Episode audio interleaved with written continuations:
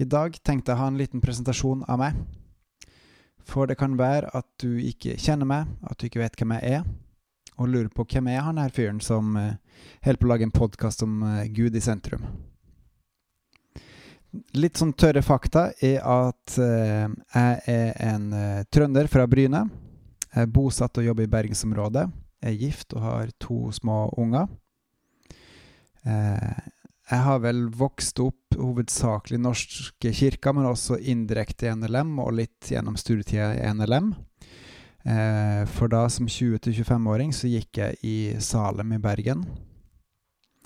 Eh, og etter det så har jeg gått i en frimenighet som heter Vestkirken, ute på Sotra, de drøyt ti siste årene. Jeg har eh, alltid vært kristen. Jeg har alltid regna meg som kristen, eh, og det har vel mye grunn, å gjøre pga. at jeg er, er, fra en kristen familie. Har flere kristne slektninger. Eh, Sjøl om ikke alle i familien er det nå. Og så husker jeg bare sånn vagt fra barndommen at jeg har vært på mye møter på søndagsskoler. Men egentlig så har jeg ikke tenkt så veldig mye på troa. Jeg har ikke tenkt så mye på Gud. Det mest klare minnet jeg har om eh, mine tanker rundt Gud, var vel en bibelleseplan for tenåringer som jeg leste på. Jeg prøvde meg på den, men jeg husker at jeg forsto veldig lite av det som sto der. Eh, og det meste jeg lærte, var vel egentlig om de ulike fortellingene som sto der.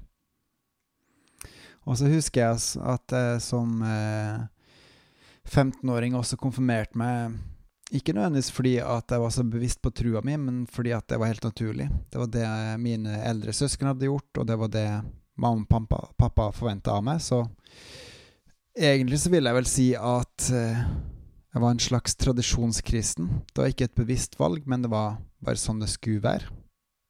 Og videre som tenåring så gikk jeg også i kristent miljø, da på Bryne, uh, og etterpå student i Bergen.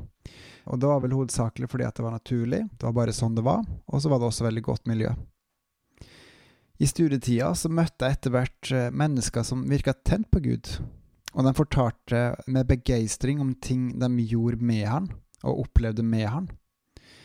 Og det ville de gjerne også at andre skulle få oppleve. Og det her var med på å åpne litt sånn sakte og sikkert mine øyne for at det faktisk var mulig å oppleve ting med Gud, og kjenne Han. Og våren 2005 så begynte ting å skje for meg også. Først så møtte jeg en eldre mann i januar som fortalte meg at han prater med Gud hver dag, sånn fram og tilbake, altså, som en samtale. Og det syntes jeg var skikkelig, skikkelig sprøtt. Og så hadde jeg også lyst til å klare det sjøl. En tilsynelatende tilfeldig samtale ble til mange den våren, og jeg husker at vi prata mye om Gud, og også om studier og livet ellers. Gjennom alle disse samtalene vi hadde den våren her, så fikk jeg oppjustert sjølbildet mitt kraftig. At det ble mer naturlig. Jeg fikk uh, utfordrende veiledning. Jeg hadde gjerne noe, et dilemma som jeg satt i, og med to mulige løsninger. Og istedenfor å gi meg sånn tips om hva jeg burde velge, så ga han meg tre alternativer til. Han uh, lært meg konsekvenstenkning. Og ikke minst så viste han, meg, viste han meg også mange dybder i Guds rike som jeg ikke kjente fra før av. Både i kunnskap og i kjennskap til Gud. Og husk, det evige livet er jo å kjenne Gud. Den eneste sanne Gud. Og så ga han meg også tips til hvordan jeg kunne bli kjent med Gud. Og det var veldig nyttig og godt. Bare snakk til Gud hver dag. Be til han hver dag. Og så sa jeg at åh, ja, nei, jeg mister fokuset så kjapt. Jeg begynner å tenke på andre ting etter tre sekunder. Og sånn, ja, men det gjør vel alle, gjør vi ikke det, da? Med en gang du merker det, så bare gå tilbake og fortsett å prate med Gud. Bare gjør dette hver dag, var tipset jeg fikk. Og det gjorde jeg. Sommeren 2005, altså etter et halvt år med trening, så skjedde det. Plutselig så ble jeg gira på Gud med en ny styrke. Jeg brukte mer tid med han. Jeg tenkte på hvordan ting hang sammen. Jeg snakka mye mer til han, og jeg ba for mye mer for, enn før for folk.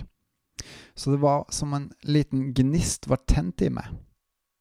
Og flere spesielle ting, veldig spesielle ting, og gode ting, skjedde den høsten. Og kanskje veldig kort forklart så kan vel den høsten best beskrives med at jeg levde på rosa skyer i et halvt år. Og en av de eksemplene hvor jeg husker at det var et veldig stort skifte fra før og etter kontakt med Gud, var når jeg hadde hatt en tung vikardag på jobb.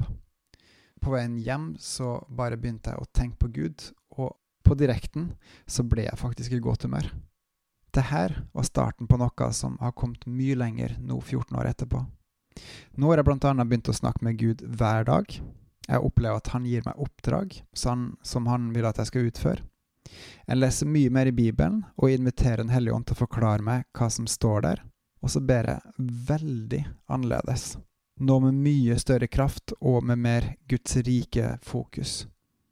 14 år er lenge, og jeg vet at jeg til tider syns at det har gått sykt sakte framover, men det er jaggu meg verdt det. Og tenk, Alt det her er mulig på grunn av ett offer. Én mann som ofra seg for at hver og en som tror på han, Jesus Kristus, Frelseren, skal ha evig liv gjennom trua, et evig liv som er å kjenne Gud. Tenk at det går an å kjenne Gud personlig. Vil du det? I Pinseevangeliet, kapittel 14-16 i Johannes evangeliet, står det mye om Den hellige ånd.